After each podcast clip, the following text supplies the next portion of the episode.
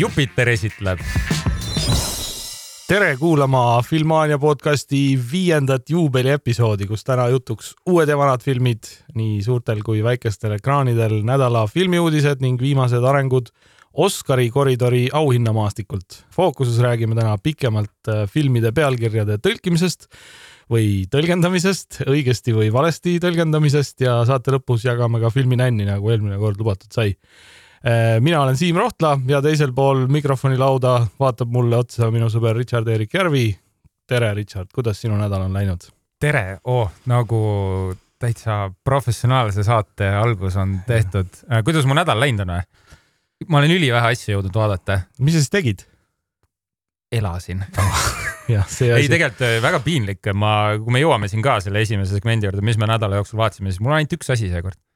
Ei, aga vaata see mind, mind nagu valdabki küsimus, et kas sellest peab kuidagi ennast halvasti tundma, sest ja. et eh, olgem ausad, mul on ka nädalaid, kui ma ei jõua võib-olla isegi ei kinos ega eh, teleka ees kordagi olla ja nüüd seda podcast'i tehes mind eh, on ka väike paanika tuleb mulle peale, kui ma mõtlen, et mis siis saab Eh, sel nädalal selles saates räägime ka ainult näiteks ühest uuest filmist.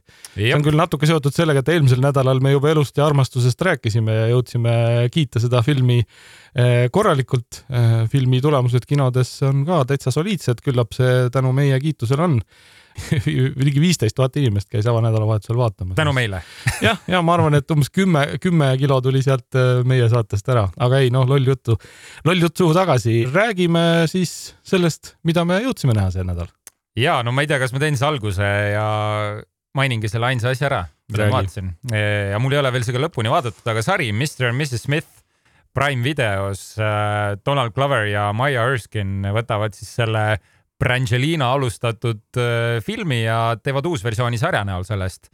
ja see on väga lahe vaatamine. ma olin väga skeptiline, sest kui see alguses äh, välja tuli, see pealkiri, et sihuke sari on tulemas, no ikka remake, eks ole üldiselt ei, ei ela kõige paremat elu, siis äh, minu arust see on hea näide, kuidas remake'i tuleks teha aga on see lähenemine siis seal kuidagi hoopis teine, kui oli Bradi ja äh, Jolie filmi puhul? täiesti teine, no täiesti teine ei ole, mingid sarnased jooned on, aga Donald Glover ja Maya Erskine mõlemad on siis mingisuguse väljaõppega nagu no agendihakatised, nad asuvad ühe organisatsiooni juurde tööle ja neid pannakse kokku justkui nagu libaabieluks ühe Aa, nagu paarina ühte kodusse ja siis mm -hmm. hakatakse neile koos mingisuguseid missioone andma.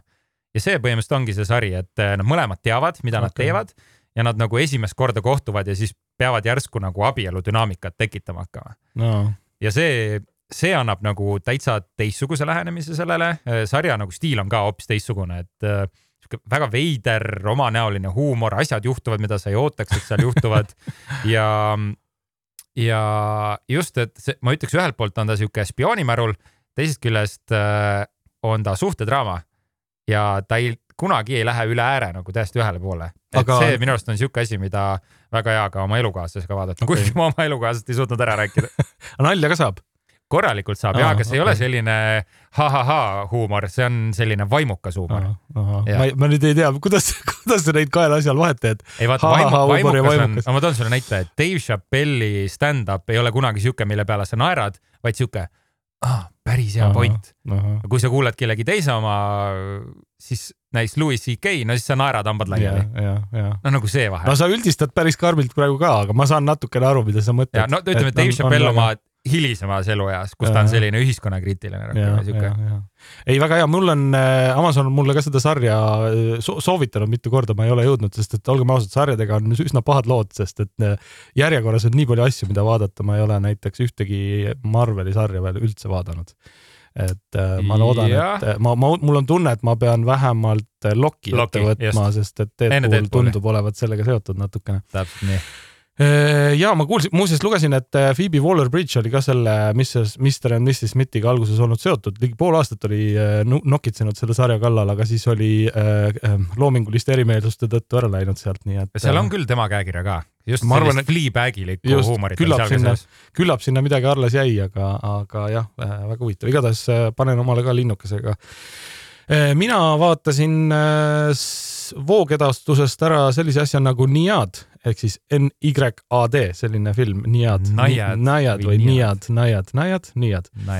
ühesõnaga, tegu on tõsilool põhise, põhineva filmiga, räägib Diana Niadist, kes võtab kuuekümne aastaselt ette oma eluunistuse, et ujuda Kuubalt Floridasse vaatasin järgi, see on siis umbes kuuskümmend tundi ujumist, see on umbes sada kaheksakümmend kilomeetrit, sama palju on... nagu Tallinnast Tartusse. kas tal on mingi salajane kaup kaasas tal ei ole mitte, mitte miskit kaasas, tal on okay. kaasas äh, suur tiim, aga reegel on selline, et äh, tiim ega keegi teine ei tohi teda aidata, ta ei tohi paadist kinni võtta ja nii edasi, et selline, selline reegel.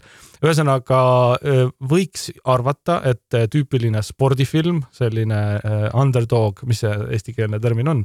altkoer. alt, altkoera film ähm,, aga äh, peaosades äh, on ähm, äh, Anett Bening mängib siis seda ujujat ja Jodie Foster, kes mängib tema sõbrannat, sõpra, kes teda toetab ja treenib selle asja juures, kaks siis sellist kuuekümne kanti väga jõulist ja ägedat äh, mutti, ma ütleks, kõige paremas mees mutti mm. -hmm. ja see nende sõprus, nende keemia omavahel muudab selle filmi nagu hoopis originaalseks ja, ja teistmoodi spordifilmiks, et sellist ei ole nagu varem näinud, et see nende nende tiimitöö ja nende suhe, nende kahe näitleja rollid nad seal ekraanil on nagu vanad semud, noh nagu ta oleks lasteaiast saadik olnud sõbrad ja see nii hästi tuleb sealt välja ja seega ei ole üllatus, et mõlemad naised kandideerivad ka Oscarile oma rollidega selles filmis nii head. Ja väga, ma ütleks ma, minu jaoks üllatavalt hea film, et äh, see pinge seal vee peal oli päris suur. Äh, ütleks, parimad stseenid olid ikkagi, toimusid maa peal, äh, need sellised draamastseenid, aga, aga see veepealne värk oli väga ägedalt tehtud ja ma ei hakka siis vaatajale spoilerdama, kas ta ujus lõpuks Kuubalt Floridasse või ei ujunud jäägu see lahtiseks, aga ma soovitan küll ära vaadata enne kümnenda märtsi Oscareid kindlasti. kas oleks vaadanud seda, kui see ei oleks kandideerinud Oscaritele? tead, ma, mul on tohutu sümpaatia Jodie Fosteri vastu, nii et mulle mm. tundub, et ma lõpuks oleksin selle ära vaadanud. Jodie Foster on praegu äh, mingit pisikest comeback'i tegemas, tal on see sari.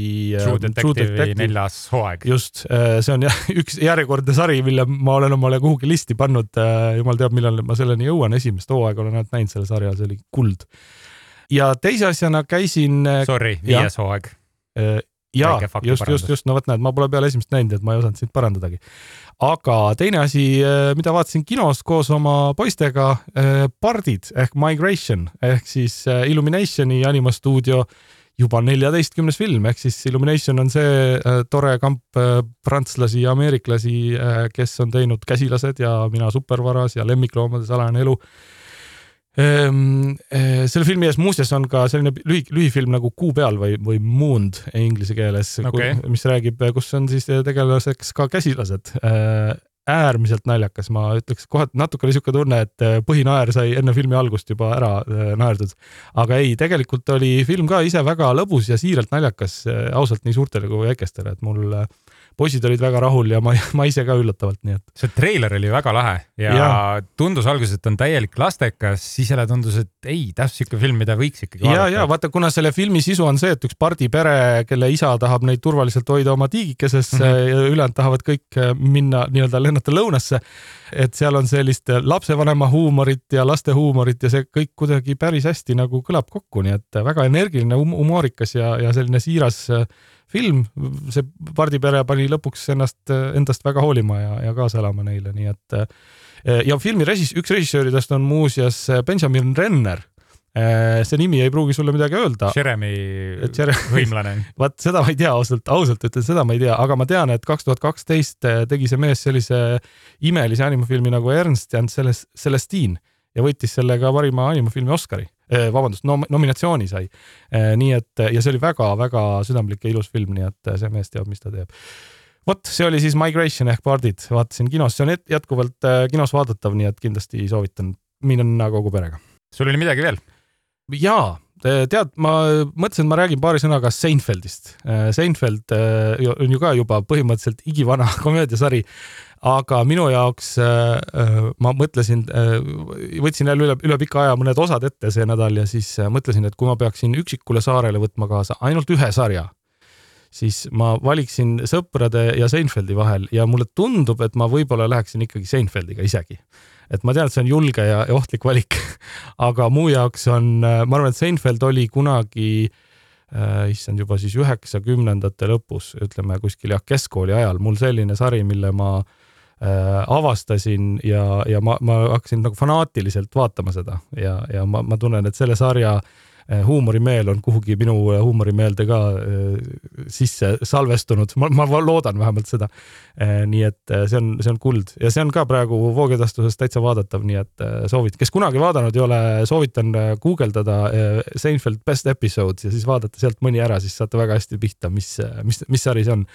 ja kes seda näinud on, need tavaliselt vaatavad seda üle ja üle ma olen proovinud ka seda ette võtta ja mingi aja nagu suudad vaadata, siis kuidagi lülitud välja ja paned jälle Friendsi peale.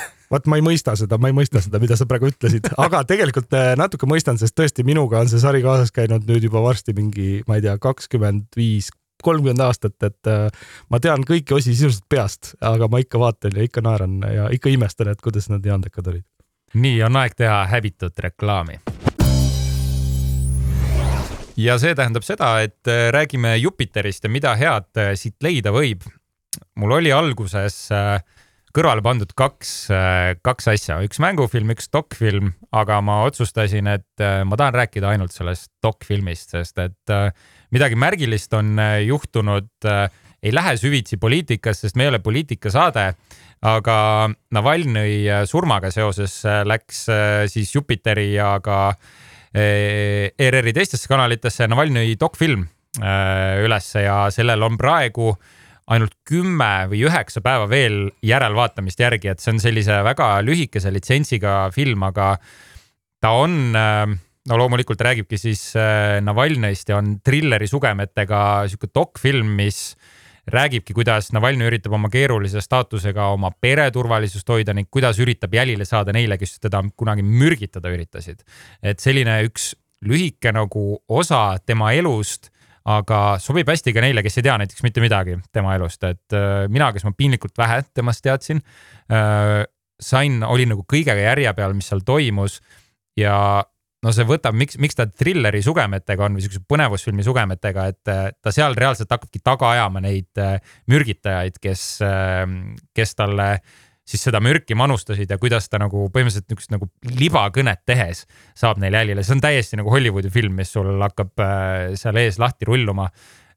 rääkimata sellest, et see muidugi on tõsieluline teema ja, ja haarab väga hästi kaasa, väga hästi on äh, kokku pandud ja no nüüd on see saanud täiesti teise taseme ka, sest ta selles dokfilmis adresseerib oma surma ka, mis on äh, ühtlasi pere vaatepunktist ja tema nagu isiku staatuse vaatepunktist täiesti märgiline film ja film võitis ka Oscari. film tuli kaks tuhat kakskümmend kaks välja, ehk siis kaks tuhat kakskümmend kolm Oscaritel võitis parima dokumentaalfilmi Oscari. ehk siis eelmise aasta Oscaritel ja, ja huvitav on jah see, et selle aasta Oscarite doki äh, peamine soosik on jälle poliitiline film ja jälle Venemaaga seoses äh, kakskümmend päeva Mariupolis, nii et. Äh, mis on ka väga-väga raske, aga hea film. ja, et äh, Oscarite gala selline poliitilisem osa ongi dokimaailm ja doki Oscarid tihti adresseerivad päevakajalisi teemasid, nii et see Navalnõi dok jah, tõesti täna on hoopis, hoopis uues valguses vaadatuna ka väga põnev ja väga, tõesti ka väga hea dok see lõi mul jalad alt ka, ma eile vaatasin selle ära ja äh, kuskil sihuke pool õhtut ma olin täiesti, täiesti mingis transis, ma nagu mõtlesin mm. selle peale, mõtlesin selle isiku peale, kõige selle peale, mis oleks võinud olla, vaatame, mis nüüd veel edasi saama hakkab, eks ole, see on ähm, see on täiesti uskumatu lugu ja täiesti uskumatu isik äh, ja fantastiliselt tehtud dokfilm, et äh, soovitan soojalt kõigile, see ei ole niisama selline äh, haridusliku sisuga mingi tõsine dokfilm, see on tõesti kaasaarvalt tehtud ka, et äh, selline tungivalt rangelt soovituslik äh, film, mida kindlasti soovitan väga vaadata. Navalnõi Jupiteris. aga lähme edasi äh, filmi uudistega ja selleks korraks äh, on meil neid taaskord kokku ju kuus pluss üks. Äh, ja see pluss üks tähendab seda, et me alustame nädala treileriga, mis oli siis äh, eelmise nädala jooksul see kõige märgilisem treiler ja see paneb nagu huvitava nagu olukorra ette, et ega iga nädal ei tule mingit Superbowli treilerit välja jah, see on ja, aga samas ei saaks öelda, et tänane nädal treiler oleks meil mingi pisike treiler. ei, kindlasti mitte et ja me valisime selleks Godzilla ja Kong uus impeerium, äh, uue treileri, mis, äh, mis tuli välja. Mis sa sellest filmisarjast siis nüüd arvad? Ütleme nii, Godzilla Minus One tegi efektiivselt seda, et rikkus kõik teised Godzilla ja Kongi, no okei okay,, Kongi ei saa võib-olla siia patta panna, aga universum on, eks ole, seotud, rikkus kõik need teised koletise filmid minu jaoks ära aga mida selle Hollywoodi Godzilla ja Kongi universumi kohta saab öelda, on see, et see on täielik ajusurm oma kõige paremas mahlas. ma lähen, ma lähen neid kõiki filme kinno vaatama, ma võtan kõige suurema popkorni, kõige suurema hunniku komme ja suhkrujooki ja ma lihtsalt äh, lasen ennast välja lülitada. ja no siin oli, siin ikka mindi no ikka mitu-mitu sammu edasi eelmistest filmidest mm,. ja ei, see on, äh, see on vahva, et ma hakkasin, vaatasin oma poistiga seda treilerit koos ja siis, kui see äh, Kong sealt liiva alt selle oma robotkäe välja võtab yeah. treileri alguses, siis mu poisid ütlesid, oo, mis treiler see on, ma ei öelnud, mis treiler see on, oo, mis treiler see on, kas see on Transformerid, oo, kas see on Düün? siis, siis vaatasin, aa, okei okay,, see on hoopis Ahv seal, kes sealt välja tuleb, et see on, minu meelest on täiesti õigus, see on selline film äh, millest vist ka tegijad ise on aru saanud, et see on puhas popkorni nauding ja rõõm ja visuaalne vaatemäng. kui Godzilla Minus One eelmisel aastal äh, pani rõhku sellele inimlikule poolele, nende inimeste loole ja sellele draamale ja see Godzilla oli selline puhas äh, kurjus äh, justkui seal nagu natuke tagaplaanil, siis Godzilla nendes Hollywoodi filmides on Godzilla alati see peategelane siin siis koos Kongiga ja sinna üritatakse ka nende koledatele loomadele mingit draamat ümber ehitada, et kui sa näed nagu kurva või ehmatanud King Kongi, siis see on noh, natukene naljakas, aga jällegi minu meelest äh, puhas visuaalne nauding mainin ära ka, et äh, lavastaja on Adam Wingard, kes on sama mees, kes tegi ka Godzilla versus Kongi, nüüd on siis yeah. äh, filmi on pealkiri on Godzilla, Godzilla X Kong. ja, ja mida, mida iganes see tähendab, korda no,, võib-olla korda no,. nüüd nad, nüüd nad on mestis, eks ole, nüüd nad hakkavad selle kurjuse vastu ja. siis koos seal võitlema. kusjuures see, et nad mestis on äh, ma pean ütlema, et ma sellest treilerist küll aru ei saanud. Nad ikka, nad ju tulid, üks jooksis, siis Jaa. teine tuli maalt välja ja siis nad, nad koos vahe... jooksevad selle kurjuse poole. aga vahepeal nad ju kottisid ka nagu üksteist. aga see peab ka olema. no kuule, sa oled näinud BVS-i. ja, ja, ja. ei no ühesõnaga õudselt põnev, õudselt põnev eh, ma veel natuke niimoodi itsitasin, et see on vahva, et kui eelmise filmi Godzilla versus Kongi värvid olid roheline ja punane, siis nüüd on värvid kollane ja roosa peab muutma ja ma ütlen see, et eh, Godzillal on nüüd roosa mohawk on nagu. ja, ja, ja ei, see on ja, ja kusjuures ärge saage valesti aru, me siin irvitame, aga me lähme kindlasti seda vaatama ja muidugi. me kindlasti naudime seda, ükskõik kui äh, hea või halb see tegelikult on. toimumiskoht selle filmi puhul on ka jälle, nad lähevad sinna mis selle sinna, sinna maailmasse, et no põhimõtteliselt nagu äh, lugu on see, et maakeras on veel sees peidus teine maailm, kus siis elavad kõik need iidsed äh, koletised ja titaanid on siis need, kes on nii-öelda Godzilla ja need nagu koletised, kes on siis loodud kaitsma loodust ja kõike seda ökosüsteemi ja siis on need protektorid, kes on Kong ja mingisugused teised mm -hmm. loomad, kes on siis inimkonna kaitsjad. ja siis nemad kahekesi peavad nüüd vist kaitsma kogu maad ja siis seal okay. on veel Dan Stevens, Rebecca Hall ja Brian Tyree Henry, kes mängivad neid inimtegelasi. ja, ja ei, ühesõnaga kahekümne üheksas märts on äh, see kuupäev, äh, Godzilla X Kong uus impeerium, väga eepiline pealkiri ka. Äh, oleme valmis vastu võtma ja millega me edasi lähme, Richard? kas lähme fantastilise nelikuga? no räägi. ja lõpuks ometi siis on äh, avalik saladus saanud ametlikuks. fantastiline neli on cast itud ja ütleks, et see on siis Marveli äh, kinouniversumi no praeguseks hetkeks kõige olulisem ja suurem uudis. Äh, pikalt on räägitud, et millal see fantastiline nelik siis tuuakse sellesse MCU-sse ja tegelased on siis äh, järgmised. Äh, Reed Richards ehk siis äh, Elastic Man või Mr Fantastic saab olema Pedro Pascal, nagu ammu on juba spekuleeritud, The Last of Us'i staar ja üldse kogu interneti issi on siis saanud Reed Richards. ütle kiiresti, miks ta on interneti issi? The Last of Us ja -hmm. mis tal veel oli? Kus ta veel ah,, Mandalorian, muidugi ja, ja, ja täpselt mm. -hmm. ma ja... lihtsalt igaks juhuks ei hakanud seda ütlema, sest ma ei ole neid kumbagi jõudnud veel vaadata, et sa tundud olevat kursis sellega rohkem Neid ma olen näinud ja, ja. siis uh, Sue Stormi ehk Reed Richardsi äh, armu äh,, armastust, ei, kaaslast siis äh, Invisible Woman on Vanessa Kirby äh,. Naine, kes on siin viimastel aastatel ikka väga suurtes kassaitides kaasa mänginud. näiteks ja. Mission Impossible'i viimased kaks või juba äkki isegi kolm osa ja Napoleon, mis tuli välja, kus ta mängis Josephine'i äh,. hakkab mängima Invisible Womanit ehk siis nähtamatut naist, kindlasti on eesti keeles sellele mingi, mingi teine vaste. no mis siin muud saab olla kui nähtamatu naine. ja tema venda Johnny Stormi ehk siis eh, Human Torchi hakkab mängima ja see on nüüd ilmselt kõige vähem tuntum staar siin, Joseph Quinn. kas see on see mees, kes on uh, Stranger Things'is? ja just Eddie Munster eh, ehk siis uh, Master of Puppets ise, kes uh, selle võimsa kitarrisoolo seal sarja nüüd eelmises hooajas mm -hmm. maha pidas ja tema puhul ma ütlen ausalt, mina ei olegi teda rohkem kuskil näinud, ta vallutas südamed, vallutas internetti, võitis fännide poolehoiu ja ma arvan, et see on äge, et valiti ka selline vähem tuntud tõusev staar siia. ja, ja ma tõesti lugesin ka, ma ei ole ise selle hooajani veel jõudnud, ma olen vaadanud ära täpselt nagu üle-eelmise hooajani äh, siis Stranger Thingsi ähm, aga ma lugesin ka, et tal pidi täiesti andunud äh, fänn, fännkond olema üle oh, maailma, kes täiesti teda taga ajavad, nii et äh, ma arvan, et see oli väga strateegiliselt tehtud otsus ja on tegu ka päris hea näitlejaga kindlasti. täpselt nii ja The Thing ehk Ben Grimm ehk see suur äh, kivimürakas, teda hakkab mängima Ebon Moss Bachrach kindlasti hääldasin seda omamoodi.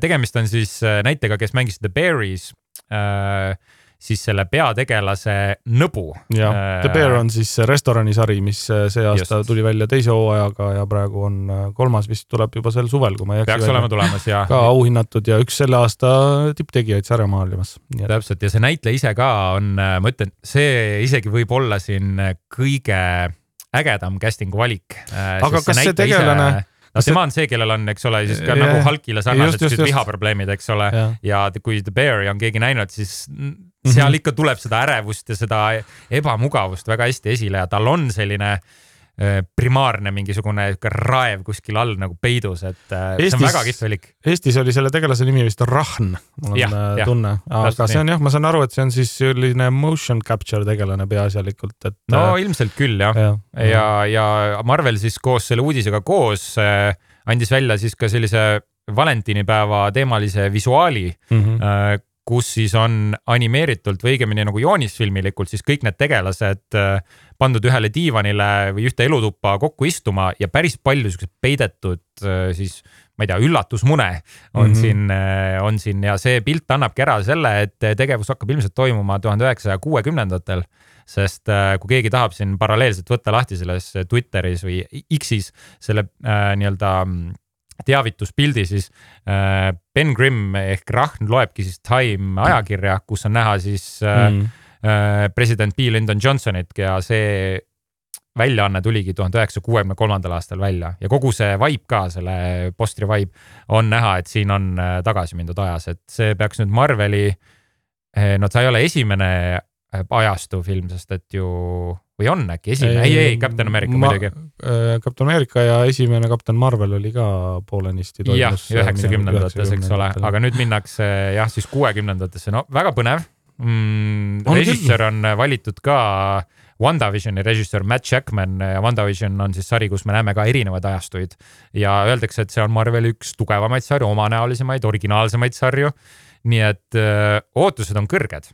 jah, ja kuupäevaks on praegu siis järgmise aasta juuli lõpp, aasta kaks tuhat kakskümmend viis, eelmine aasta, mitte eelmine aasta, järgmine aasta tuleb välja erinevalt sellest aastast siis nelja Marveli filmiga, seal on siis Thunderbolts mais, siis on Fantastiline nelik juulis, siis on Captain America Brave New World ja sügisel novembris veel Blade nii et. kui see Blade jõuab. kui see jõuab ja kui need filmid üldse selliselt jõuavad, sest Marvel on äh, oma äh, ajaloo jooksul väga palju selliseid vangerdusi teinud äh,, liigutanud filme edasi ja tagasi. ka selle eelmise nädala teatega liigutati, vahetati Thunderboltsi ja Fantastilise neliku kuupäevad omavahel lihtsalt ära, et äh, nad seda oskavad ja eks nad siis strateegiliselt planeerivad, aga igal juhul vaadates seda nimekirja ja vaadates neid näitlejaid, äh, tundub, et Marvelil on äh, täitsa lootust. no see peaks nende päästja nüüd olema vot see oli siis äh, Fantastilise neliku uus näitleja-ansambel.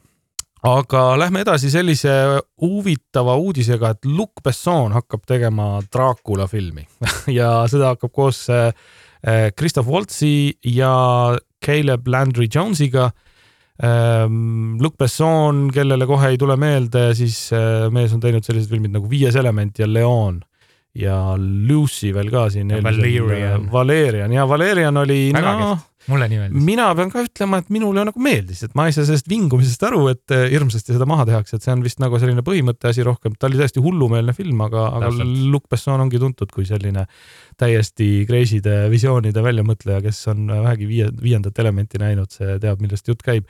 Eh, Christoph Waltz äh, muidugi kaval ja selline riukalik äh, tegelane või noh, ütleme kehastab siis eh, tihti kavalaid ja rüükalikke tegelasi. eelkätt sai kuulsaks Tarantino Inglorious Bastardsis ja Django Unchained'is ähm,. ka väga huvitav näitleja ja Caleb Landry Jones. Landry Jones eh, on minu meelest ka täiesti perfektne casting. ta on selline äh, oota, ma mõtlen. tema on see, kes Dogmanis mängis? ta mängis Dogmanis ja ta mängis äh, kolm reklaamtahvlit linnaserval, äh, seda. Mm, seda väga eba. ja, ja ühesõnaga ta on selline. Äh, Get Out ka oli, kas oli seal või? kas ta mängis Get Outis seda praegu poega, kes seal ütles, et ta oskab MM-ad? no igatahes ta on minu meelest selle, sellepärast täiuslik valik, sest ta on selline nagu kahvatu nahaga, kõheda näo ja, ja punase peaga selline äh, no ütleme nii, et Dracula žanriga peaks sobima, et minu meelest äh, see trio, kes seda filmi tegema hakkab, on äh, päris äge.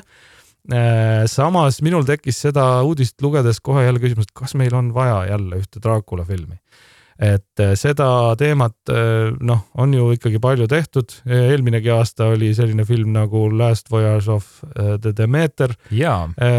siis oli kaks tuhat neliteist oli Dracula Untold, mis nii sisult kui kinokassalt väga just ütleme, rohelisi tuli, tulesid ei süütanud rohkem praegu Robert Eggers teeb sellist filmi nagu Nosferatu, mis peaks sel aastal välja tulema, mis on ka selline Dracula sarnasest maailmast ühesõnaga ja ma pean ütlema, Robert Eggersit ma usaldan, mees, kes on teinud sellise asja nagu The Witch näiteks. Aga, aga jah, et kas meil on seda Draculat vaja?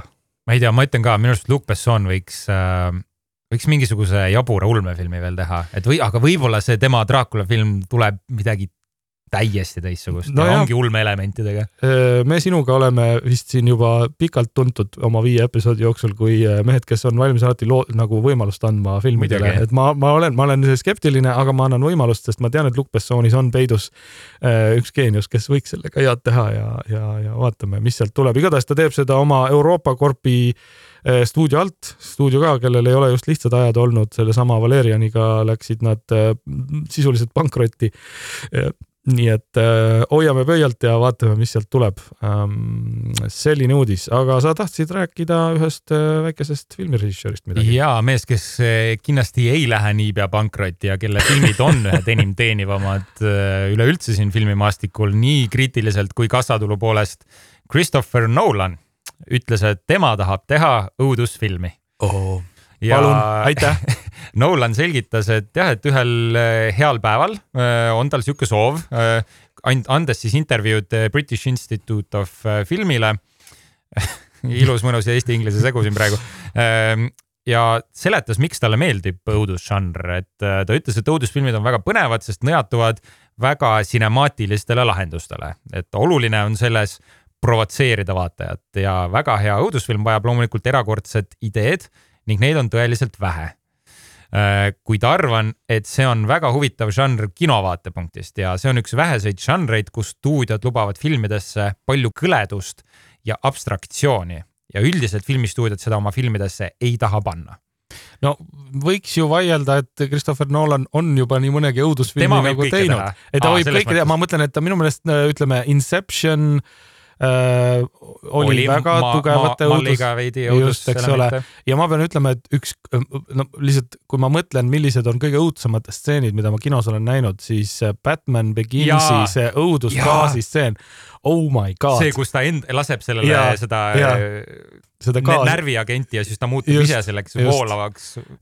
ma, ma vaatasin seda just mingid mõned nädalad tagasi kuskil Youtube mulle söötis ette selle klipi ja see on selline, mis isegi mõeldes sellest tekivad külma, külmavärinad. nii et ütleme nii, et Christopher Nolan teab väga hästi, kuidas neid niidikesi tõmmata, et mina olen täiesti avatud, lasku aga tulla võiks ju mõelda, et millise õuduka ta siis võiks teha, et mis, mis suund, mis žanr, mis teema kusjuures Oppenheimeris ka on päris mitu kõledust tekitavat stseeni ka siis, kui need inimesed seal plaksutavad ja püsti seisavad ja järsku on kõigil näod läinud, eks ole. ja, ja, ja, ja muidugi ja Interstellaris aga... olid ju ka ikkagi need äh, mustast august möödumise stseenid, kus need äh, nä nägu ja seal teisest äh, reaalsusest, no ühesõnaga. no kõhedust tekitavad ja. küll, aga su küsimus, et millist uudisfilmi ta võiks teha, et no tundub, et kohe tahaks sinna ulmežanri poole minna, eks ole, et sellega ta on äh, niigi palju kokku puutunud ja just noh, kui ma eeldaks, et millise õudusfilmi ta teeb, no siis mingi ajas reisimise ulmekas, kus, kus on palju õuduselemente. aga ma keeraks selle täiesti pea peale. mina tahaks, et ta just võtaks hästi lihtsa idee, mingisuguse high concept'i teema a la nagu esimene tulnukas mm -hmm. ja ma ei mõtle Valdise pääsemist ma ütlen äh, Ridley Scotti Alieni ja panna lihtsalt kuskile, no okei okay,, võtame selle ulme setting'u tõesti, et äh, paneme ühte kosmoselaeva ühe mingisuguse primaarse koletise ja lase tuld. aga, aga noh, tema puhul ta ilmselt tahab mingit väga nüansirikast mm, -hmm. keerukat lugu, mis läheb kokku nagu pusle.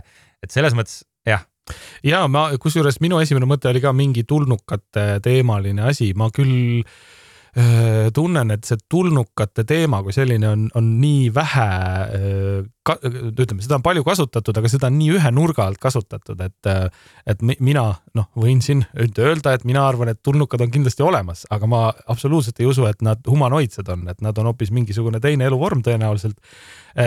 ja ma unistan ka sellest, et Nolan teeks filmi just mingitest teistest olevustest, kes ei pruugi isegi materiaalsed olla või midagi sellist. mul tuli just mõte, mida no ta võiks teha, kuna ta on oma jalga kastnud eh, teise maailmasõtta või ka esimesse, ei, tema ei ole küll esimesse maailmasõtta, aga ma mõtlesin nende nii-öelda jutumärkides halbade õudus või nende zombifilmide peale, mis toimuvad mingisuguses ajastus, vaata mm. -hmm. just need teise maailmasõja aegsed eh, zombifilmid.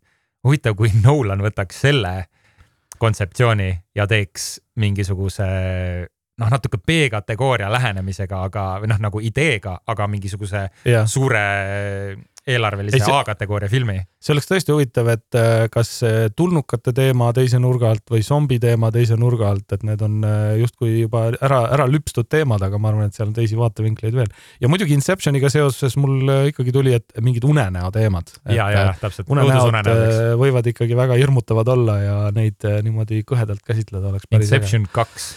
jumala, jumala eest lasku tulla, aga ma, ma pärast saadan need ideed kõik Christopher at nolan.com peale ära, et siis siis vaatame, vaatame, vaatame, mis sealt tuleb. nii, aga see oli siis Christopher Nolani õudukaplaanid. võtame täna veel vaatamise alla Oscari koridori äh, update'i või viimased uudised sel nädalavahetusel, läinud nädalavahetusel jagati BAFTA-sid ehk siis Briti Oscareid nii-öelda Äh, mis on ka minu meelest äh, iga aastaga rohkem tähelepanu saanud ja muutuvad aina olulisemateks äh, siis ookeani tagava jagatavate auhindade kõrval. Ähm, ja BAFTA-d on ka ühed sellised asjad, mis aitavad hästi palju Oscari ennustajaid, ehk siis kuna Oscarite hääletus läheb lahti nüüd kahekümne teisel veebruaril ja kestab kahekümne seitsmenda veebruarini ehk siis äh, sel ja järgmisel nädalal äh, siis akadeemikud ehk siis Oscarite hääletajad kindlasti vaatavad äh, üsna palju ka seda, et mis auhinnad mujal on teinud ja, ja mida on jagatud ja kes on saanud. lisaks on järgmisel nädalal tulemas veel Screen Actors Guildi ehk siis näitlejate gildi auhinnad, mis ka väga palju seda suunda korrigeerivad, nii et väga huvitavad ajad.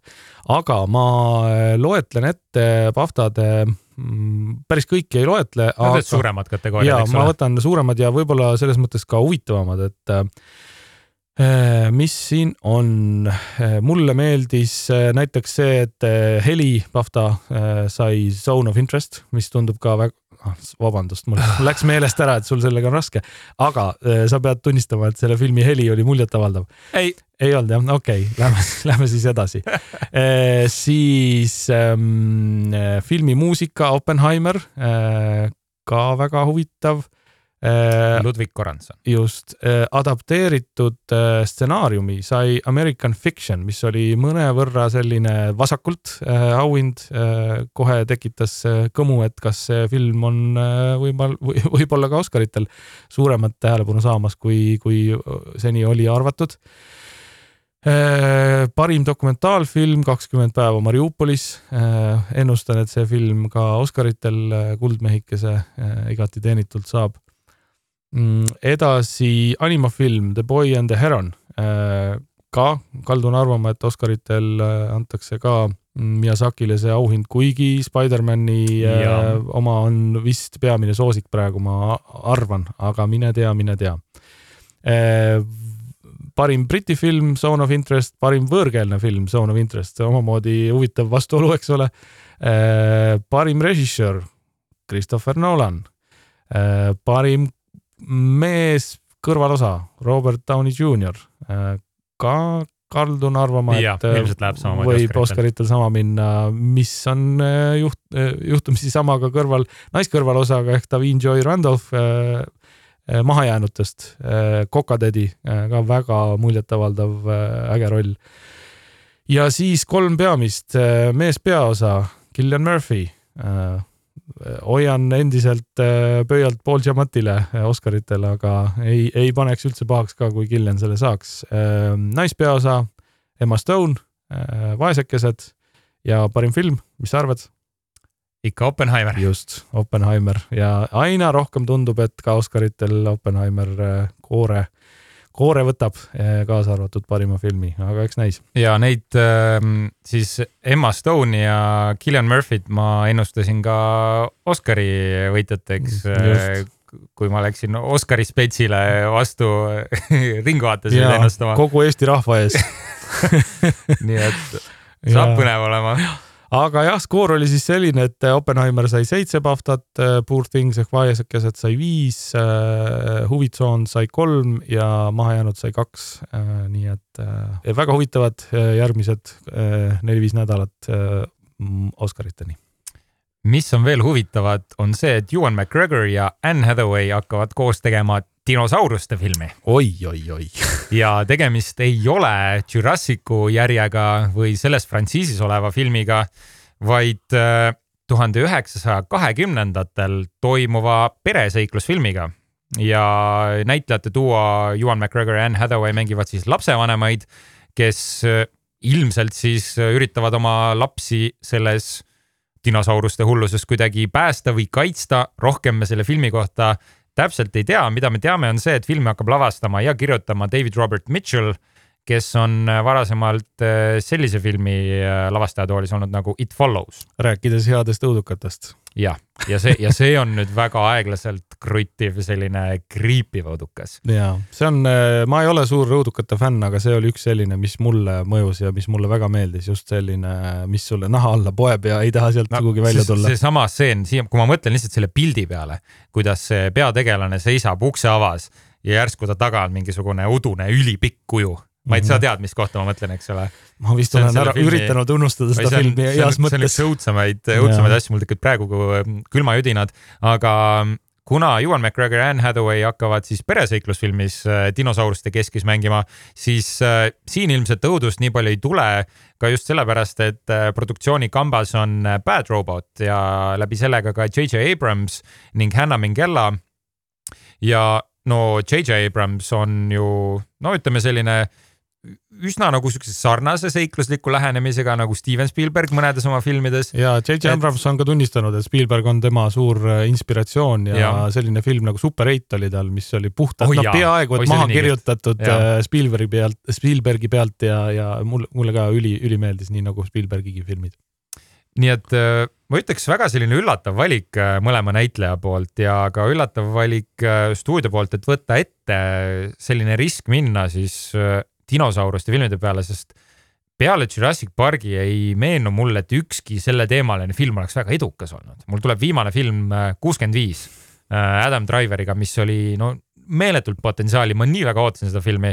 no see, ütleme nii, et see kosmoselaev kukkus ja põrus nagu ka filmis jah, ei, see saab tõesti olema huvitav, et kuidas, milline on siis nii-öelda originaalne lähenemine dinosaurustele, et äh, Jurassic on ühe ja teise ja kolmanda nurga alt seda läbi võtnud, nii et äh, kuidas need äh, saurused siis ikkagi siia jälle saavad, tekib küsimus.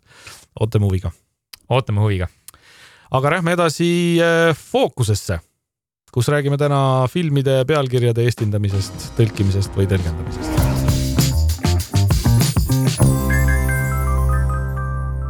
ja see mm, siis teemaplokk fookuses on selline, kus me no räägime päris äh, laiadest teemadest, äh, vahepeal võtame me ühe siukse kindla, täpselt nagu sina võtsid, rääkisid üks päev äh, filmi levitajatest, kes tahab, võib mõned episoodid tagasi minna, kui mitte üldse meie kõige esimese. see oli vist esimene episood jah. ja mida teevad filmi levitajad, siis me justkui nagu jätkame seda teemat nüüd selle filmi pealkirjade eestindamisest ja see on niisugune teema, mida ma tean, et mina noorena, kui ma ei mõelnud, et selle taga üldse mingisugune kunst või mingisugune mõttetöö on, oi, mulle meeldis nende üle kunagi naerda, siis ma mõtlesin, kuidas nii halvasti tõlgitakse. nüüd saan aru, et see ongi väga keeruline töö ja see on, äh, seda ma ääri-veeri puudutasin ka jah, siis kui ma levitajatest rääkisin, aga võib peaaegu nii öelda, et publiku tungival soovil äh, võtame selle teema natuke rohkem äh, käsitlusele ja, ja ma algatuseks räägin, et ma ma küsisin ähm, oma tuttavatelt levitajatelt ka nende kogemusi selle teema kohta ja ma sain äh, ootamatult palju äh, ägedaid äh,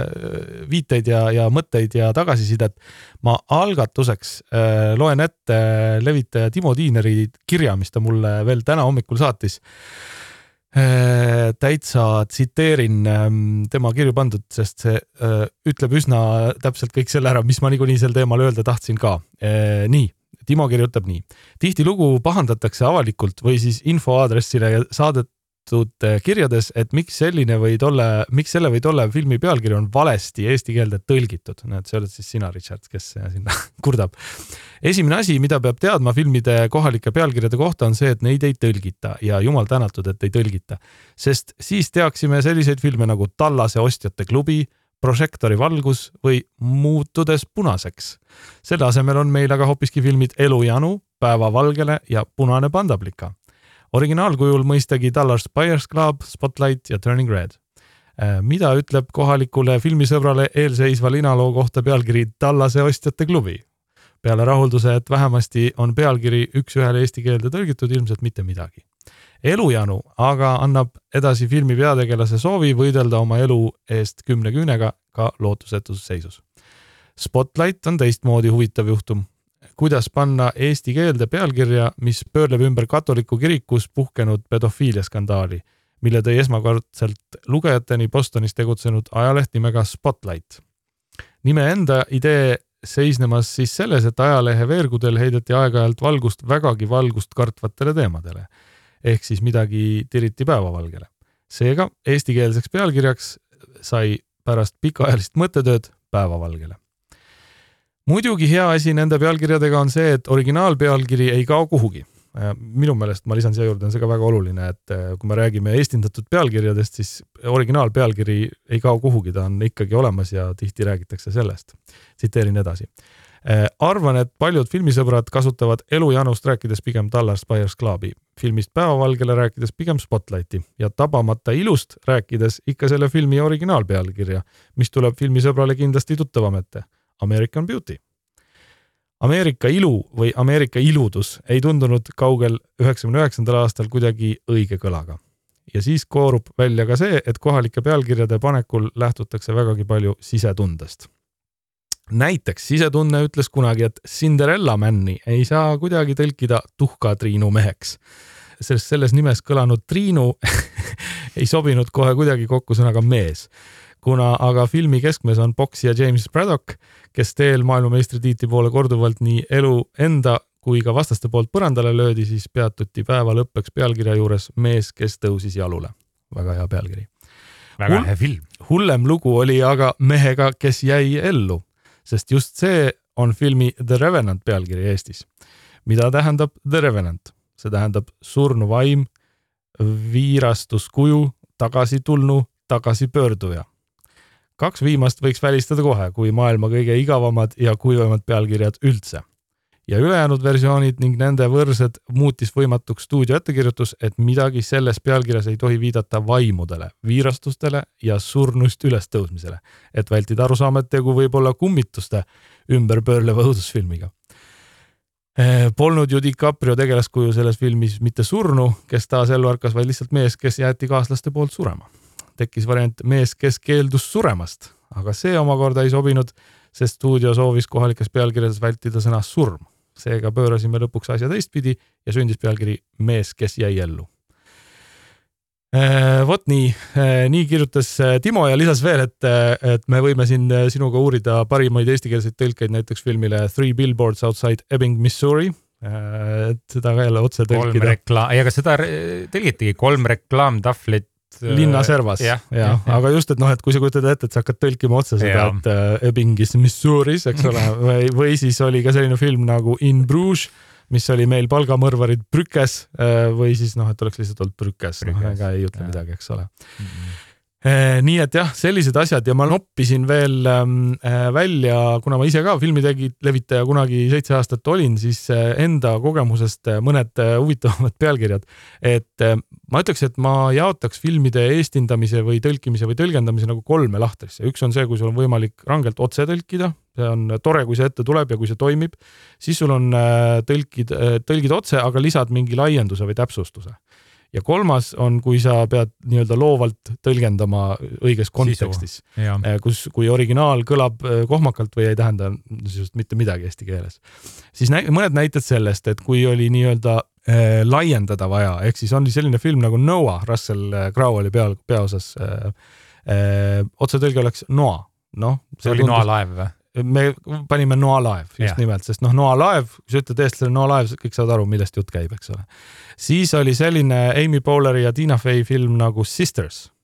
Äh, jälle, mul alati oli probleem selliste anonüümsete ühesõnaliste pealkirjadega, paned äh, nimeks õed, ei ütle midagi, kas draama, komöödia, midagi, aga me panime õed sõgedad. Kohe, sul tuli naeratus näole, on ju, kohe. Näed, saad aru, et tegu on, äh, on komöödiaga ja, ja müüs, müüs väga hästi. Siis selline Seth Rogeni ja Zac Efroni film nagu Neighbors. Ka, noh, tõlgid naabrid, noh, ei tea, tuleb Austraalia, Austraalia sari meelde, eks ole. Me panime neetud naabrid, ilus alliteratsioon, eh, kõlab hästi, neetud, kohe saad aru, et tõenäoliselt ei ole see teotud õudukaga, vaid et on seal midagi, eh, nalja hakkab saama naabritega. isegi vist Neighbors filmi puhul oli algselt filmi ingliskeelseks nimeks ka Bad Neighbors. ja see oligi eri turgudel erinev, minu meelest USA-s oli Neighbors ja Euroopas oli Bad Neighbors. noh, halvad naabrid, pahad naabrid, see jälle ka noh, kohe jah, neetud naabrid kõlas kohe nagu hoopis paremini. Eh, siis oli selline Danny Boyle'i pisike filmike nagu Yesterday, mis, eh, kus teemaks olid Beatlesid ja Beatlesite lood. Eh, selle me panime eile veel tänu sellele, et see Beatlesite laul Yesterday on eesti keeles tõlgitud eile veel äh, mäletan ka, kui see välja tuli. Ja just see pealkiri ka, mäletan seda. just, et kui sa paned lihtsalt eile, noh jälle väga anonüümne pealkiri ei ütle midagi, kui sa ütled eile veel, siis äh, inimesed, kes muusikaajaloost natuke rohkem äh, teavad, tekib kohe seos Beatlesitega, loodetavasti tekkis, filmil läks täitsa hästi. Äh,. siis üks pealkiri, mille üle olen äärmiselt uhke ise, oli selline vahva film nagu Blockers. Äh,. mängisid seal John Cena ja Ike Barinholtz ja Leslie Mann. Äh, filmi sisu oli põhimõtteliselt see, et, et lapsevanemad siis äh, tegutsesid selle nimel, et mitte, et takistada oma tütardel süütuse kaotamist äh, kooli lõpupeol. noh, selline üsna lihtne sisu, lollakas ha-ha-ha film täiskasvanutele peaasjalikult. filmi posteri kujundusel oli siis kukk ja seal järel oli siis blockers nagu. noh, saad no, aru juba, kuhu see läheb, eks ole. ja küll me leiutasime seda nime ja mis me panime ja me panime sellele lõpuks pealkirjaks Vändapidurid ma kordan, ma kordan veel, Vända pidurid ja me olime, me olime ise lihtsalt nii uhked selle üle, et, et me unustasime ära, kui hea või halb see film oli lõpuks, aga see pealkiri oli nii hea ja see sobib selle filmi kuidagi väga siukse äärmusliku ja lolli huumoriga. ja, ja inglise keeles on selline sõna nagu raunchy. ma ei tea, mis on eestikeelne vaste, selline, see on selline nagu ropp huumor, noh, täiskasvanute mm -hmm. ropp huumor. ropp huumor ongi, ma arvan, jah. ja see oli nii, nii hästi sobis, Vändapidurid, ah kaks tuhat kaheksateist oli ilus aasta.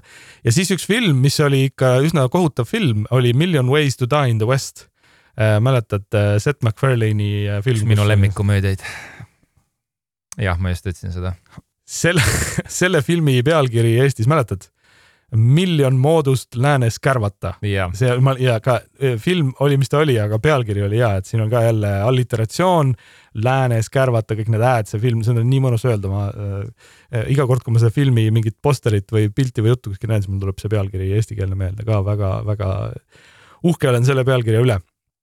ja siis äh, mõned pealkirjad veel, kus äh, hoopis muutsime ära. näiteks oli üks selline kahekümne, kahe tuhande üheksateistkümnenda aasta animatsioon nagu Abominable. esiteks Jaa. tekib küsimus, et kes paneb multikale nimeks Abominable see oli see, see, mis see on see Bigfooti? ja, ja, Yeti, Yeti poiss oli seal. no me panime sellele nimeks Lumepoiss Everest Äh, ja toimis suurepäraselt, sest see oli tõesti üks selline hiiglaslik jeti, kes tegelikult oli pisike jeti poiss. ja tema nimi oli Everest. tema nimi oli Everest ja tema eesmärk oli jõuda Everesti mäele, kus elas tema pere ja nii edasi. et väga hea ka ja siis üks ülikeeruline case nagu Tom Cruise'i filmidega tihti äh,. American Made, selline film, mille muuseas lavastas Doug Lyman kaks tuhat seitseteist. see film on kuidagi nagu ära ununenud kõigil. veidi on jah.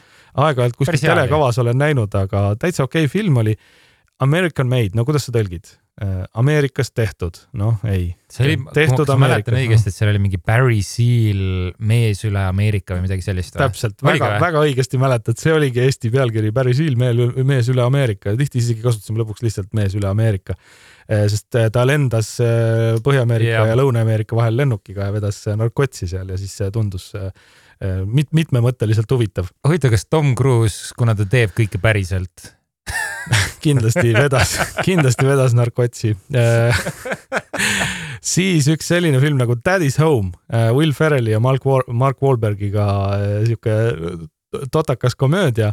jälle, no Daddy's Home, kuidas tõlgime, issi on kodus, paps on kodus äh,, ei tundunud head. papside lahing väga hea äh,. tuli ka teine osa, Papside lahing kaks äh,. siis Anna Kendricki ja Reven Wilsoni film Pitch Perfect Äh, jälle, see oli üks esimesi filmi pealkirju, mis ma pidin äh, tõlkima. Äh, laululahing jäi, nii et jah, vot ühesõnaga selliseid väga palju, ah, viimasena mainin ära About Time, ainult aja küsimus. ja see, see oli see romantiline komöödia. just, just, Richard Curtis'e äh, lavast, lavastatud film, see oli ka, mis me saime ka sinna info meilile kirju, et About Time tähendab ju, et on ka või oli ka aeg või midagi sellist It's about time nagu. aga samas see film rääkis ajas rändamisest ja siis me panime ainult aja küsimus.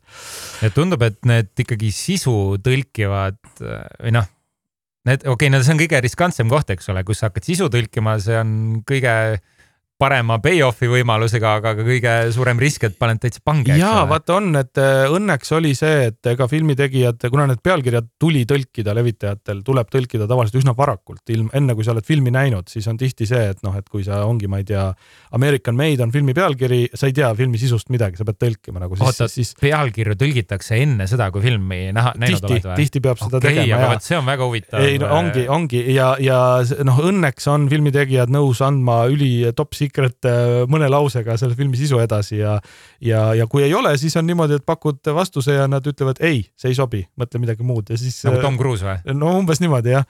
E, ja siis laiutadki käsi, nii et äh, väga keerulised äh, juhtumid ma sain veel ka sõpradelt Akmest ja PÖFFist mõned mõtted. Ähm, selline film Akmel oli kunagi nagu Baby Driver, mäletad? film. Nad ütlesid ka, küll nad maadlesid, et beebi autojuht, laps autojuht, kullake autojuht, autojuht beebi no lõpuks jäi põgenemise rütm, mis on äh, hoopis midagi muud, aga väga sobiv. Äh, rütm on väga teemas seal tõesti. just, just väga hea. ja siis Helmut Jänes PÖFFist, äh, tema mäletas selliseid ägedaid filme nagu Stealing Beauty, Bernardo Bertolucci film. see sai pealkirjaks Süütust näpates Eestis, ka väga, minu meelest ka väga hea, et parem noh, kui rääkida varastamisest või pätsamisest nagu, aga just näpates selline natukene ulakas ja siis sa tead kindlasti Miloš Formani ähm, Woody Harrelsoni filmi People versus Harry Flint. Mäletad, mis selle filmi äh, eestikeelne pealkiri on? ma ei ole ise näinud seda, aga ma mäletan seda filmi. sa pane see sinna kodu, klassika kodutöösse, seniks. see on klassika või? see on klassika. mis aastal see välja tuli? see on üheksakümmend kuus. aa, vau, okei, siis ma ajasin mingi teise filmi. ja, ja see räägib, selle eestikeelne pealkiri oli Pornokuninga piinad. aa, okei, Woody Harrelson. ja, ja, ja kus ta mängis, äh, tead küll ühesõnaga väga-väga vahva ja hea, hea selline konteksti tava pealkiri järgi, jällegi kuule äh,, aga ma teen lõpuks äh, sulle sellise äh, mängukese et no äh, üks levitaja, Kaupo Liiv saatis äh, väljalõikeid vanadest telekavadest. vaata, kui vahva Nohik on teinud selliseid väljalõikeid ja seal oli siis telekavadest tõlgitud pea, pealkirjad, mida teeb hoopis keegi muu, kes telekavasid tõlgib. annan sulle eestikeelse nime, sa pead ära arvama, mis filmiga oli tegu. ainult sinule sa ei arva kunagi seda ära mm,? Äh, ma küsin sult järgmise, siis sa võib-olla arvad e eelmise ära. järgmine on kaheksajalakene. mingi oktopussi. jaa, õige. ongi nii või? millegipärast oktopussi siis ah, okay, James Bond. Uh, for your, for your eyes only. just, äh, ainult okay. sinule millegipärast for your eyes only. oktopussi siis oli tõlgitud kaheksajalakene. järgmine vaadates tapmist. A view to a kill. just samas noh, see ei ole halb, see ei ole halb, no mis sa ikka paned, vaade, vaade surmale. on tõesti raske tõlkida jah. ja on äh,, siis ähm, äh, ära ütle ei kaks korda järjest mis asja Pole õrna aimu ka. Never say never again aa, okei okay,, me oleme ikka Bondi me oleme ikka Bondi juures okay, ja okay,, ja okay, tal okay. oli terve rida äh,. aga ära ütle ei kaks korda järjest. miks äh,, ei tea äh,. aga nüüd Bondi filmid said otsa, tulles Ameerikasse no see peab olema ikka Coming to America. just, aga uh, selle eestikeelne, just, aga eestikeelne pealkiri tegelikult oli Prints Sumundast selle jaa, filmi puhul, see oli jah telekavas siis otse võetud. siis uh, minu jaoks tundmatu film Rhinestone oli tõlgitud Ninasarvik. Rhinestone tähendab hoopis midagi muud, Rhino on ninasarvik yeah., aga Rhinestone on uh, mingisugune selline võltsteemant põhimõtteliselt yeah,, midagi sellist nii et. ma isegi ei mäleta seda filmi. mina ka, ma, mina ei tulnud üldse, mul ei tulnud üldse oh,. oota, kas see on selle äh, Sylvester Stallone'iga. jah, vist on. võib-olla, ma, ma ei ütle ei, aga jah, sest et ma ei mäleta ka. Äh, French Connection oli tõlgitud Side läbi Prantsusmaa ja ikka hea, heal kiri, hea pealkiri Tango ja raha ehk siis. no ikka Tango, tango and Cash. Tango and Cash yep., vot selline. ja mul on, ma pean ütlema, et mul on veel terve rida neid asju, aga, aga ma arvan, et me andsime päris hea ülevaate sellest, miks ja kuidas pealkirja tõlgitakse ja eh, et alati ei ole tõlkimine ehk otsetõlkimine see, mis on. Ja seal tavaliselt on põhjused taga. Eh, tihti on eh, filmitootjate ja stuudiote ettekirjutused või siis lihtsalt see, et mingi asi kõlab jube kohmakalt, kui see otse tõlkida. ja lihtne on kritiseerida. Nüüd, kui me teame neid tagamaid, siis äh, ütleks, et neid tuleks just äh, siis neid võite välja tuua, eks ole, mitte siis neid äh, äh, raskemaid kordi, kus see olukord on, noh, et kus ei saa tõlkida nii hästi just, nii on. vot, see oli siis äh, fookuse teema filmide tõlkimisest ja tõlgendamisest, filmide pealkirjade tõlkimisest ja tõlgendamisest. Lähme edasi uute tulijate juurde. uued tulijad peab seekord äh, kokku võtma uueks tulijaks, sest et äh, jõudsime ühte filmi see eelmisel nädalal vaatama ja see on ka kusjuures ainuke selline suurem film jah, sest me vaatasime tegelikult eelmisel aastal, me käsitlesime eelmisel nädalal juba ära uue Eesti filmi Elu ja armastus ähm, ja täna räägime siis ei kellestki muust kui Bob Marley'st. Bob Marley One Love on siis uh, uus elulooline draamafilm, mis räägibki uh, nimi tegelasest uh,. režissööriks filmil Reynaldo Marcus Green, kes on selliste filmide taga nagu King Richard ja sari Top Boy. stsenaristiks Terence Winter, Frankie Flowers ja Zack Palin näitlejad, kes filmis üles astuvad, Kingsley Benadier, One Night in Miami ja Invasioni äh, Marveli sarjas, Lashana Lynch, keda oleme No Time to Die's Bondi kõrval näinud ning James Norton, keda on olnud võimalik näha Jupiteris Grantchesteri sarjas.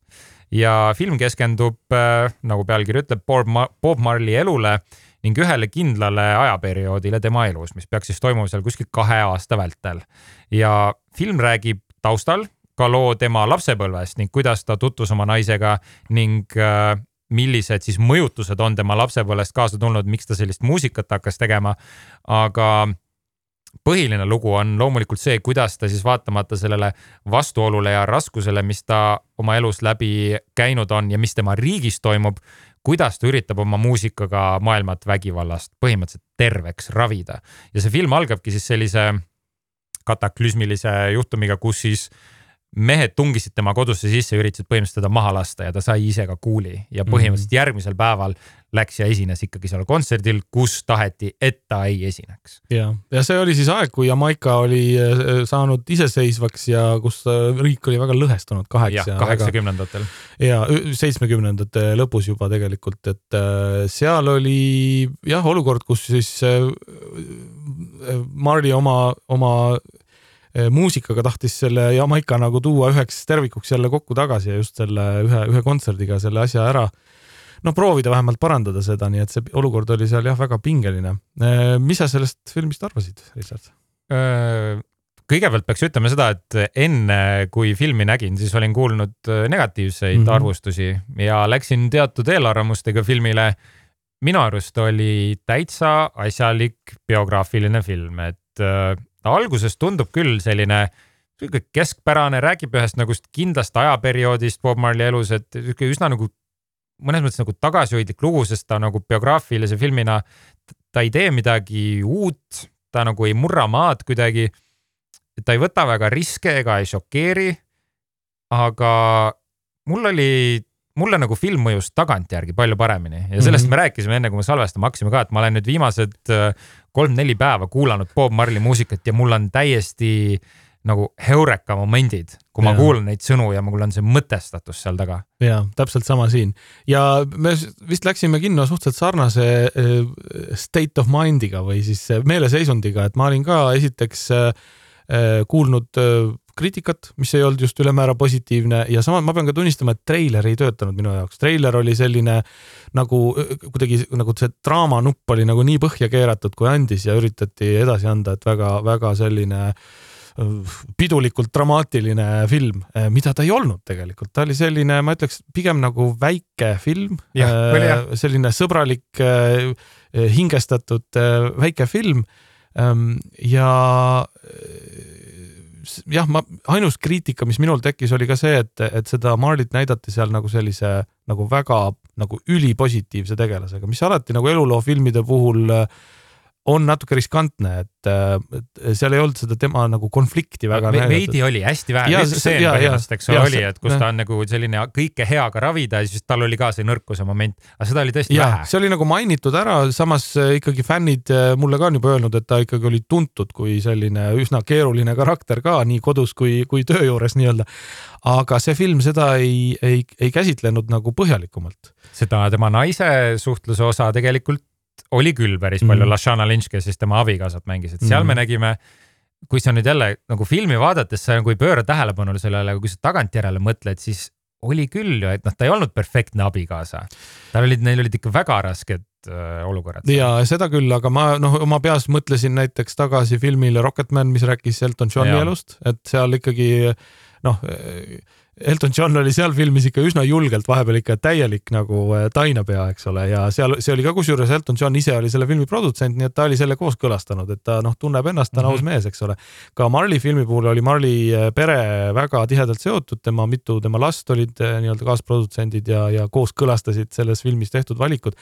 aga äh, ma ütlen, ainuke kriitika mul oli see, et seda vastuolu oli võib-olla liiga vähe aga ma pärast mõtlesin selle enda jaoks äh, nagu õigeks sellega, et äh, aga äkki Marley pere tahtis selle filmiga nagu kanda edasi seda sõnumit, mida Marley tegelikult terve oma äh, lühikeseks jäänud elu jooksul kandis, see armastus, see headus, kokkuhoidmine äh,, midagi sellist, et ja, ja selles suhtes see film töötas nagu. just see..., sellega sai see väga hästi hakkama. ja andis, nagu ma mainisin ka, et mina ei olnud aastaid kuulanud Bob Marley muusikat Äh, ja see andis nagu värvi, see andis mingisuguse eesmärgi, iseloomu tema muusikale nüüd, kui seda kuulad mm. -hmm. ja ma väga tahaks mainida ka siin Lashana Lynch'i, keda, kelle peal korraks peatusime, et äh, teda oli väga hea näha sellises tõsises dramaatilises rollis, et äh, No Time to Die oli eelmine, kas ta ei mänginud selles äh, naiste sõdalaste Woman filmis, King. Woman Kingis Jaa. ka, eks ole, mis on ka rohkem selline väga füüsiline roll oli. täpselt, täpselt, et siin ta sai nagu tõesti oma hambad sisse lüüa sellisesse äh, raskemasse ja võib-olla aeglasemasse teemasse ähm, kokkuvõttes ma ütleks, et jah, sa ütlesid väga õige asja, et nagu meelde tuletamaks või kuidagi üle käimaks tema seda nagu eesmärki, see, mida ta tahtis teha.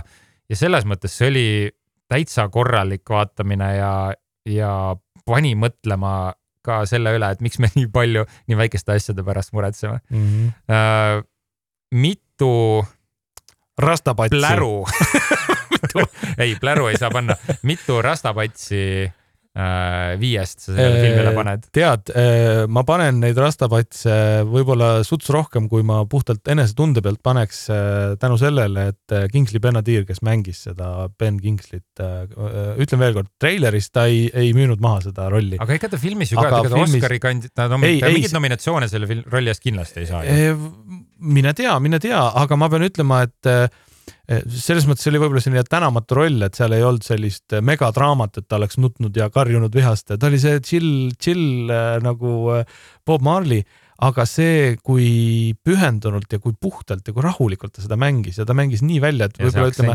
aktsent, see on teema, mida ma tahtsin rääkida veel. Proovid või? kujuta, ei, ei, jumala eest, ei hakka ennast siin lolliks tegema, aga kujuta ette, et sa elad UK-s või sa elad Ameerikas ja sul ei ole subtiitreid all. Ma mõtlesin täpselt sama kinos, mitte midagi ei saa aru. üheksakümmend protsenti mitte midagi aru Aha. ei saa, et selles mõttes on väga huvitav, et äh, küsida sealsetelt inimestelt, et äh, mis, mis toimus siis kinos ka nagu, et käte laiutamine. sest see meil on ikkagi suur õnn, et meil on eestikeelsed subtiitrid all ja saad igast äh, mõtte äh, nüansist aru tänu sellele. ja mul on tunne, et seal tõesti, ma muidugi Jamaica aktsenti ei kuule või, ei tunne nii hästi, aga mulle tundub, et nad panid ikka päris ehedalt seal, sest et kohati see see ja see tuli väga hästi välja ja, ja, ja ma ütlen, minu, minu ülistus äh, Bensley äh,, Kingsley Benadirile, kes selle, kes muuseas mängis ka Barbis ühte nendest jah? Kenidest. Jaa. nii et ähm, ja, ja One Night in Miami oli mõned aastad tagasi, kus ta Malcolm X-i mängis ka väga, minu arust esimene kord vist, kui ma teda nägin. Nii et ähm, väga jah, mina, mina olin positiivselt üllatunud, võrdlesin nagu oma peas seda Bohemian Rhapsody ja Rocketmaniga ja minu nende se- sellest kolmikust minu lemmik on Rocketman, ma pean ütlema. sest et ka Bohemian Rhapsody oli selline ettevaatlik ja selline ümaraks lihvitud nurkadega film natukene minu jaoks liiga, mida võib-olla oli ka Marley film. ma arvan, et tema selline, see, see isik ja tema, selle isiku olulisus oleks võib-olla väärinud veel paremat filmi. aga mitu rastapatsi? mina panen kolm rastapatsi viiest ja ütlen, et soovitan äh, kindlasti minna kasvõi juba suurepärase muusika ja, ja, ja, ja väga heade rollide pärast. ja pärast siis äh, pange Exodus äh, mängima. ja mul on samamoodi kolm rastapatsi viiest, ma vahepeal isegi maadlesin sellega, et peaks kolme pool panema, aga, aga ikkagi noh, kolm pool on juba selline noh, niisugune pigem väga hea film äh, minu vaates, et see oli selline üle keskmise ja, ja, vaatamine. ja äh, huvitav on veel ära mär- märkida, kuidas ajad Hollywoodis on muutunud. vanasti, vanadel headel aegadel, kui äh, Marv, mõni Marveli film tuli välja, siis ei olnud talle vastast. Läinud nädalavahetusel tulid USA-s korraga välja Marley äh, ja Madam Web. Madam Web tellis, teenis viisteist miljonit dollarit. Marley teenis täpselt kaks korda rohkem, kakskümmend üheksa, peaaegu kolmkümmend miljonit dollarit, nii et äh, äh, huvitavad ajad, huvitavad ajad. aga see oli siis äh, Bob Marley One Love kinodes. ja selle pealt saamegi edasi minna Madame Webi loosimängu peale. oo, milline suurepärane äh, ühendkoridor.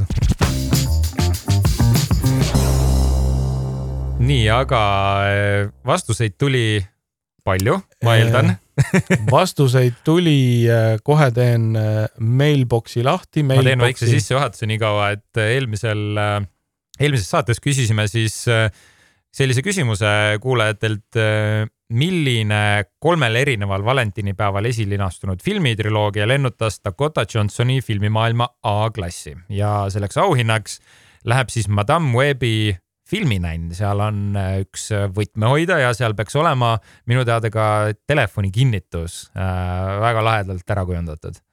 ja kuna meil on kaks kompleksi neid äh, asju, siis me saame auhinna anda kahele inimesele ja meelevaldselt teen niimoodi, ma vaatan, meile tuli neli vastust, kõik loomulikult õiged ja ma otsustan meelevaldselt, et ma annan äh, auhinnad kahele esimesele vastajale, äh, kes juba meie Filmania kolmapäeval saatsid vastused teele, need on Karin ja Rainer Äh, võtan äh, meili teel, annan teile teada, kuidas ja kust äh, nänni kätte saab. palju õnne!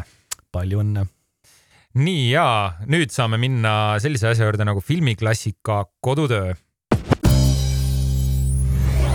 filmiklassika kodutöö on siis segment, mille me no kohe alguses saadet luues mõtlesime, me peame kuidagi filmiklassikat oma saatesse sisse tooma, sest et meil mõlemal ja kindlasti ka paljudel teistel filmifännidel on neid lünkasi, kus nad ei ole mingisuguseid suuri ja tähtsaid filme näinud ja eriti piinlik on see siis, kui hakkad seda nimekirja tegema ja kokku panema. päris pikk tuleb jah. päris pikk tuleb ja eelmisel nädalal äh, andsin äh, mina Siimule siis Rob Raineri äh, näol sellise filmi nagu The Princess Bride.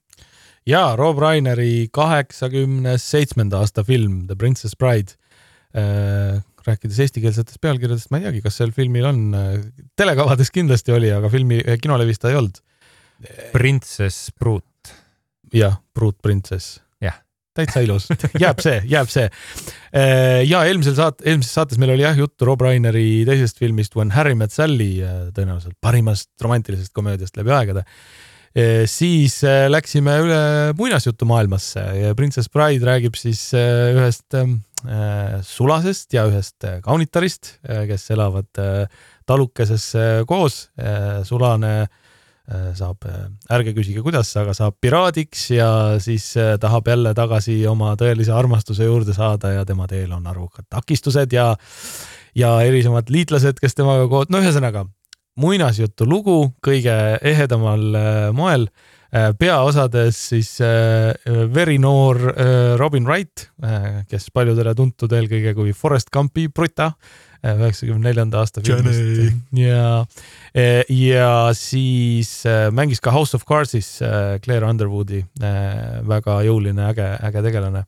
ja siis see, see, see, see, see, see, see sulane noor Carrie Elwes Äh, ma ei tea, mis rolliga sinule Gary Elvas äh, seostub eelkõige? tead, ma ütlen, ta on palju mänginud, aga mul tuleb kohe meelde tema tulevase filmi treiler uh,. Warfare of Ungentleman, ei, Ministry of Ungentleman Ministry of Ungentlemanly Warfare, kus ta mängib ülibritilikku sellist staabiülemat seal just, minul, ma ei saa midagi teha, minul Gary Elvas seostub ainult, iga kord ainult ühe mu lapse. Robin Hood või? ja, ja mm -hmm. lapsepõlvefilmiga Robin Hood, Mehed sukkpükstes, üheksakümne kolmanda aasta eh, täiesti suurepärane Mel Brooksi film ja ma pean ütlema, et kes teab, milliseid filme on Mel Brooks teinud, ei ole seotud üldse kuidagi selle filmiga, millest me praegu räägime, aga ma igatsesin Mel Brooksi seda filmi vaadates, sest ma pean ütlema, et mulle see Princess Bride nagu üldse ei ah, istunud wow.. okei okay,, kusjuures ma olen kuulnud, et see film ja. on kas ühes äh, otsas ja, või täiesti ja. teises, ma ei ole seda ise ka näinud. ja, ja sellega oli jah niimoodi, et äh, ma, ma küll õnneks no umbes aimasin, mis tulemas on ja ma olen kindel, et kui ma oleksin seda filmi näinud kuskil, äh, ma ei tea, kaheteistaastasena esimest korda, siis mul, see oleks üks minu lapsepõlvefilmidest, väga tõenäoliselt. aga see oli selline noh, ma ei saaks öelda, et aeglane, aga kippus minu jaoks natukene venima. see oli üsna selline mm,. totakas või? Eh, totakas ka, aga ta ei olnud nagu selline, ta ei olnud nagu satiir, ta võttis ennast kohati nagu päris tõsiselt, mis üldse ei mänginud välja või ei kandnud ära, sest ta ei olnud väga tõsiseltvõetav.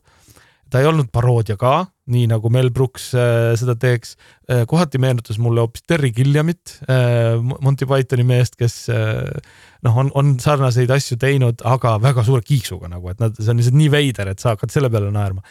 ja väga huvitav oli see, et äh, Robin Wright ja Gary Alves peaosades, aga selle filmi huvitavamad tegelased olid hoopis kõrvalosades Äh, näiteks Mel Smith, vana briti koomik, äh, kes oli sellises, mina mäletan teda sarjast Mel, Smith and Jones, alas Smith and Jones, sihuke sketšisari oli. ja muidugi Billy Crystal, kes oli ühes pisikeses rollis, mängis sellist igivana juudi võlurit seal filmis, kes oli lihtsalt selline tegelane, et kui ta oli ekraanil, siis ma kogu aeg itsitasin nagu, sest ta, ta pani, noh, ta pani. mida juba see naerma ta, ta pani Billy Crystalit lihtsalt täiega seal ja, ja see oli tore, aga muidu jah, et äh, ma ei tea, ei, ei, ei sobinud mulle see film äh, äh, üldse, aga ma saan sellest võlust aru, sest kindlasti paljude nagu ma arvan, et minu põlvkonna jaoks on see selline lapsepõlvefilm ja, ja, ja sellised on, et ega ma ei tea, kui ma näeks täna oma lemmikfilmi Tagasi tulevikku esimest korda elus, võib-olla ma ka mühataks ja pööritaks silmi, aga. ma ei tea, mulle tundub, et see on siuke film, mis on ja. hästi ajale no, vastu pidanud, kui sa siis ütleksid Princess Bride ei ole film, mis on vananenud hästi ma ei saaks öelda, et ka halvasti, et seal ei ole, ütleme noh, mõned efektid olid siuksed natuke naljakad, aga saad aru, et omas ajast oli tegelikult täitsa tipp. nagu. efektide poole pealt, aga just see ka sihuke üle võlli, aga proovib tõsiselt noh, nagu tonaalselt ja, ja, ja. halvasti vastu pidanud. jah, just tonaalselt oli, mul, mul oligi suurim probleem võib-olla selle tooniga, et, et ei saanud, aga ma soovitan ikkagi proovida, sest ma arvan, et teda käsitletakse täna kui filmiklassikat, et ta on selline kaheksakümnendate klassika ja, ja eks kaheksakümnendatel tehti palju filme, mis on nagu seinast seina arvamusi saavad, et äh, minu. kunagi on hea seda võib-olla kõrvutada Legend filmiga, mis on minul nägemata Tom Cruise'i. mul ka veel nägemata jah. Tom Cruise'i fantaasia film mm, -hmm. mis tundub visuaalselt väga sarnane sellele. täpselt, ma, ma paneks nad samasse lahtrisse täiesti ja Legend on mul seal listis ka kirjas, nii et äh, kunagi peab sellega ette võtma. nii, aga äh, sul on mulle jaa äh,, äh vaatasin äh, Oscarite teemat seoses äh, Paftadega ja, ja siis tuli ja lappasin ka Jupiteri. Ja siis vaatasin, et Jupiteris on äh, praegu olemas äh, David Lynch'i kahe tuhande esimese aasta film Mulholland Drive, mis juhtumisi on ka sinu listis on täitsa olemas. nii et äh, proovi, vaata ära, ole ettevaatlik, sest tegu ei ole ma kardan. minu meelest mitte ühe siukse meeldiva filmiga, aga olgem ausad, milline David Lynch'i film on väga meeldiv ähm,. Dune ma olen seda näinud küll. Nojah no ühesõnaga Mulholland Drive on ka selline nagu õudusfilmi õrre peal natuke kõigub ja väga kõhe nagu, nagu Lynchil ikka kombeks, nii et vaata ära. see film seos Oscaritega oligi see, et Lynch kandideeris Oscarile kahe tuhande teisel aastal selle filmiga, režissööri Oscarile siis ja peaosades on Naomi Watts ja Laura Harring, nii et selline Ütleks... see on jah üks nendest filmidest, mis on põgenenud mu eest. mina nägin teda ole... toona isegi kinos, mine tea, äkki see võis olla isegi tuttuues äh, äh, Tallinna kesklinna kobarkinos äh, toona. aga, aga kindlasti väga visuaalne ja väga kõhe, nii et võta, võta krõpsud ligi ja, ja ole valmis.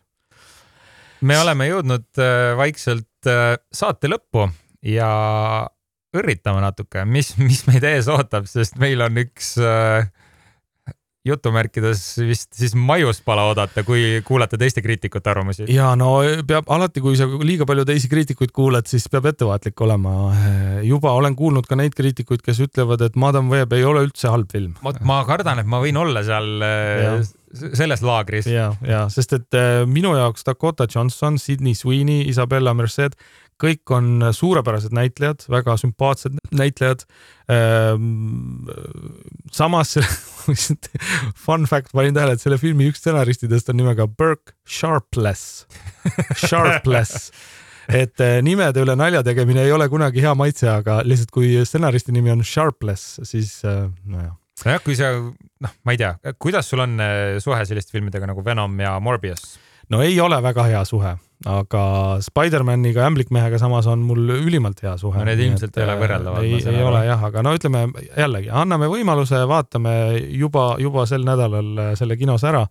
Äh, järgmisel nädalal räägime veel sellisest filmist nagu Race for Glory Saksa Audi versus Itaalia Lancia, äh, neid auto äh, vastu. mulle väga meeldivad sellised võidusõidud. ja neid on viimastel aastatel mitu tükki olnud ja nüüd on jälle üks selline tulemas, nii et vaatame ära ja räägime sellest filmist ka. ja saame ka ette õrritada, mis meil järgmisel nädalal fookuses on, kuna me Madame Webist räägime, siis võtamegi fokusseerime peale Sony ja Disney äh, diilile, mis siis äh, hõlmabki Spider-man'i õigusi. ja ma mõtlen, et võib-olla vaatame, kui aega jääb, siis äkki nagu rank ime ära Spider, äh, siis Sony Spider-verse'i filmid paneme nad äkki kuskil mingisse top kümme järjekorda. oi, keeruline saab olema no vot, see on, seal võib-olla, et mis on vähem kehv kui eelmine mm. -hmm. aga sellegipoolest ma arvan, et põnev on, on teha seda. ja proovime, vaatame. aga selline sai seekord Filmania jutt ja kuulmiseni järgmisel kolmapäeval tšau